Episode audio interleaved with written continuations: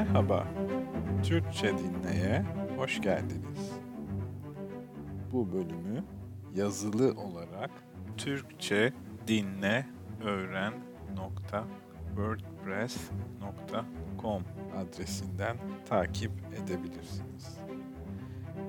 Alternatif olarak hem dinleyip hem de yazıyı okumak için youtube.com Türkçe alt çizgi dinle kanalına bakabilirsiniz.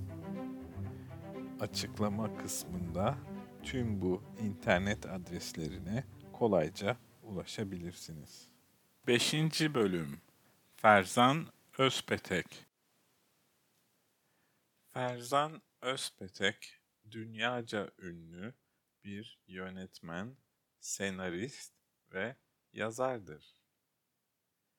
1959'da İstanbul'da doğar ve 17 yaşında üniversite eğitimi almak için İtalya'ya gider. Roma La Sapienza Üniversitesi'nden mezun olur. İtalya'da tiyatro ve sinema alanlarında yıllar boyu çalışır. İtalyan yönetmenlere 15 yıl yardımcılık yapar. 1997 yılında ilk kez yönetmen koltuğuna oturur ve Hamam filmini çeker. Bir miras için Roma'dan İstanbul'a gelen Francesco'nun hikayesini anlatan bu film, İtalya'da, Türkiye'de ve uluslararası festivallerde çok beğenilir. Ardından Harem Suare, Cahil Periler, Karşı Pencere, Kutsal Yürek, Bir Ömür Yetmez ve Serseri Mayınlar gibi filmleri de Ferzan Özpetek'e birçok ödül kazandırır. Özpetek, yönetmeni olduğu bu filmlerin senaryolarına da büyük katkılarda bulunur. Bunun yanı sıra yayımlanmış üç romanı bulunmaktadır. Bu kitaplar İtalyanca yazılmış ve diğer dillere de çevrilmiştir. Ferzan Özpetek filmlerinde birçok karakterin toplandığı yemek sahnelerine çok sık rastlanır. Bu nedenle toplu yemek sahneleri yönetmenin imzası sayılır.